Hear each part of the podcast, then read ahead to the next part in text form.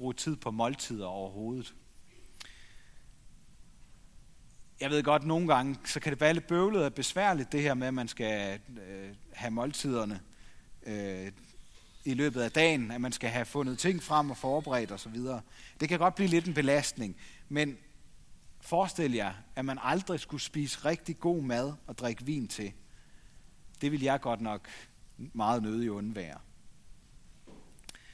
Og når vi snakker om måltidet, og det har jeg sådan set tænkt mig at gøre hele prædiken, så handler det om meget mere end at dele et fælles menneskeligt behov for mad. Der er kultur, relationer, identitet og fællesskab på spil. Jeg tror, det er os, der er blevet individualistiske og måske også dårligere til det med at spise sammen. Ofte er mad bare noget, vi skal have for at holde sulten væk og for at holde dampen oppe. Mange har den uvane at spise, mens de arbejder eller laver noget andet. Jeg har på fornemmelsen, at det keder mange af os at spise. Det går for langsomt, og man skal have aftalt et tidspunkt, så skal man forberede det, og så skal man sidde der og vente på hinanden. Og ja, vi kan selvfølgelig stadigvæk bruge måltidet som et middel til at opnå noget andet. For eksempel servere et godt måltid for at imponere, eller prøve at få en god aftale i hus. Og så en lidt skæv tanke, måske.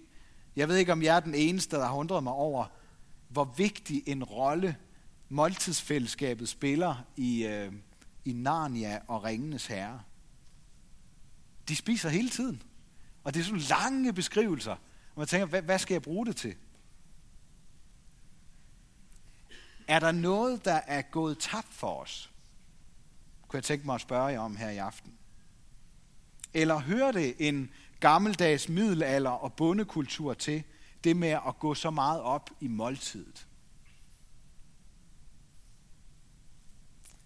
Men er det ikke også det, Jesus gør den sidste aften sammen med sine disciple?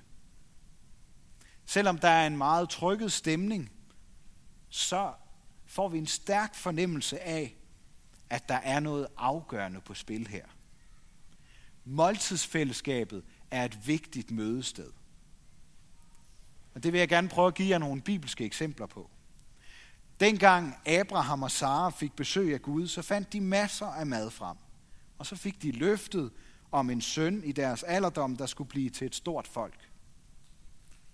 Da Abrahams nevø Lot fik besøg af to engle, så bagte han usyret brød til dem, står der. Og Abrahams barnebarn, Jakob og hans onkel Laban, de sluttede en fredspagt med hinanden. De offrede til Gud og forsejlede pakten, ja, med et måltid. Og så var der Jakobs søn Josef, der serverede et måltid for sine brødre, der kom fra det tørkeramte Kanaan for at købe korn i Ægypten. Han gengældte alt det onde, de havde gjort imod ham, med et godt måltid mad. Og her er vi så også i aften. Vi er kommet fra fastetiden, og så er vi nået til påskefesten, hvor Jesus gengælder alt det onde, vi har gjort, med et forsoningsmåltid. Jesus og disciplene fejrede det første påskemåltid, der handlede om langt mere end at blive mæt. Det handlede om liv og død. Lammets blod skulle males udvendigt på dørkarmen, så Guds dødsengel gik forbi. Så Gud kunne identificere, hvem der adlød ham, og hvem der var ligeglade. Der var ikke tid til, at dejen kunne hæve, så de bagte usyret brød, så de kunne være klar til at blive kaldt ud i friheden, væk fra slavetilfærelsens fangenskab. Det var påske for Herren, fordi påske betyder at gå forbi. Og på samme måde står vi her på kanten mellem faste og påske med den udfordring, med det kald fra Gud, at han vil kalde os ud af syndens slaveri og sætte os fri. Døden gik forbi, og døren til livet gik op. Og den eneste vej til et liv i frihed gik gennem offringen af et lam og ved at spise måltidet sammen og holde sig vågen. Så kan måltidet næsten ikke få en større betydning. Det indledte en kulturdannende begivenhed. Det sikrede en fortsat relation til Gud.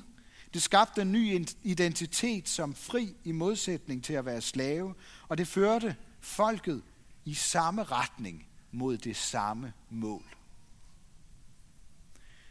Senere så får hele folket besked på at holde måltid for Herren deres Guds ansigter sammen med deres familier, glæde sig over alt, hvad de har fået, og som Herren har velsignet dem med. Og i en lidt underlig beretning, der spiser David på et tidspunkt i en presset situation. Han var meget sulten. Han spiser de hellige skuebrød, som ingen ellers må spise. De er der kun til pynt. Han beder om fem brød til sig selv og sine mænd, og så får han dem af præsten Akimelek. David siger i sin måske mest kendte salme om Herren, som han kalder sin hyrde, du dækker bord for mig for øjnene af mine fjender. Igen er det måltidet, der er på spil. Profeten Esajas han fortæller om, hvordan Gud ønsker at forberede og dele et overdådigt festmåltid for alle folk. På dette bjerg skal herskers herre holde festmåltid for alle folkene. Et festmåltid med fede retter og lagret vin, med marv fede retter og ædel lagret vin. Det fik de mange tusind et glimt af ved Genesrets sø, dengang Jesus, Davids søn, bespiste dem alle sammen med fem brød og to fisk. Alle folk blev mætte. Jeg ved ikke med jer, men jeg synes, den røde tråd er påfaldende. Og så fortæller Jesus om en kongesøn, der inviterer til et stort festmåltid – hvor gæsterne kommer med dårlige undskyldninger, og han derfor går ud på gader og stræder og tilbyder alle andre at komme med. Jesus og disciplene kendte deres bibel, ligesom farisæerne og de skriftkloge gjorde det. Og de vidste, og de var enige om, at et måltid handlede om meget mere end at blive mæt. Det handlede om pagtslutning, om venskab, om forsoning og om fællesskab. Og derfor så undrer teologerne sig også og spørger disciplene, hvorfor spiser jeres mester sammen med tollere og syndere? De kan ikke få det til at hænge sammen. Måske var de nogle af dem, Jesus tænkte på, som kom med undskyldninger for ikke at sige ja tak til det store festmåltid. Og så er det interessant at lægge mærke til, hvordan Jesus selv svare på deres spørgsmål. De stiller det her spørgsmål, og det er gengivet i, jeg tror, de fleste af evangelierne, hvis ikke alle fire. Han svarer selv på deres spørgsmål ved at besøge og spise sammen med tolleren Zacchaeus, der i øvrigt også har snydt og stjålet fra mange af sine landsmænd gennem sit arbejde for fjenden. Og så den sidste aften, inden sin død, der spiser han også sammen med ham, der vil forråde ham. Jeg tror kun, vi forstår lidt af, hvad der sker den aften. Både fordi vi ikke er jøder, og fordi, måske også fordi vi har en anderledes overfladisk forståelse af, hvad måltid er. Judas kan simpelthen ikke holde det ud længere. For det at spise sammen handler om en tæt relation og et fællesskab, som han allerede har brudt. Jesus, Davids søn, dækker bord for sine disciple for øjnene af sine fjender. Judas har lige siddet og hørt Jesus, Davids søn, bryde en tusindårig gammel tradition – jeg ved ikke, om jeg tænkt på det. Den første kristne påske, det er et voldsomt brud på en jødisk tradition. Ligesom David, så spiser han af de hellige skuebrød, kunne man sige. Det er det allerhelligste øjeblik. Og der begynder han at pille ved, hvordan det hænger sammen. Midt i påskemåltidet, så sætter han sig selv ind midt i sammenhængen. Så lammet er ham selv, og lammets blod, det er hans blod. Det er Jesu blod. Og det usyrede brød, det hellige brød uden synd, det er ham selv. Og den, der spiser det, skal leve evigt, har han fortalt. Velsignelsens vinbæger er forbandelsens bæger, som han selv skal tømme og fylde med sit eget livgivende blod. Velsignelsens bæger, som vi velsigner, er det ikke fællesskab med Kristi blod, spørger Paulus. Brødet, som vi bryder, er det ikke fællesskab med Kristi lægeme? Fordi der er et brød, er vi alle et lægeme, for vi får alle del i det ene brød. Og på den her måde, så indtolker Jesus sig selv i påskemåltidet. Og de må have undret sig. Der må også være nogle af dem, der har været tæt på at protestere. Hvad sker der her? Og vi må gerne undre os sammen med dem. Også undre os over, at vi åbenbart tænker ret overfladisk over nadver og måltidsfællesskaber sådan generelt. Der er en værdi i at spise sammen med sin familie med fuld opmærksomhed. Og dele det, som er livsvigtigt for os. Mad og drikke og Guds ord og bøn. I påskemåltidet, der er bibelfortælling, bøn og mad og vin flettet ind i hinanden. Jeg vil ikke gennemgå det nu, men øh, det, det, det kommer sådan i en bestemt rækkefølge blandet ind i hinanden. Og det er det i øvrigt også i vores kristne nadver. I kan prøve at lægge mærke til det, hvis I ikke har lagt mærke til det før. Og det må det gerne være. Det må gerne være blandet sammen, når vi spiser sammen med kristne. Alt det, vi har brug for. Så er det naturligt at dele alt det, som er livsvigtigt for os. Jesus ville holde påskemåltid sammen med sine disciple. De var der alle sammen. Og derfor er der noget dybt vigtigt på spil, når vi er sammen om at spise. Ikke kun til nadver. Okay, men så kunne man måske indvende imod alt det her snak om måltider, at vi har jo at gøre med traditioner, som vi ikke behøver at føle os bundet af. Vi kan jo gøre, som vi har lyst til derhjemme og til nadver. For det vigtigste, det er vel, at vi på en eller anden måde forstår symbolikken, og at vi er med. Er det ikke det?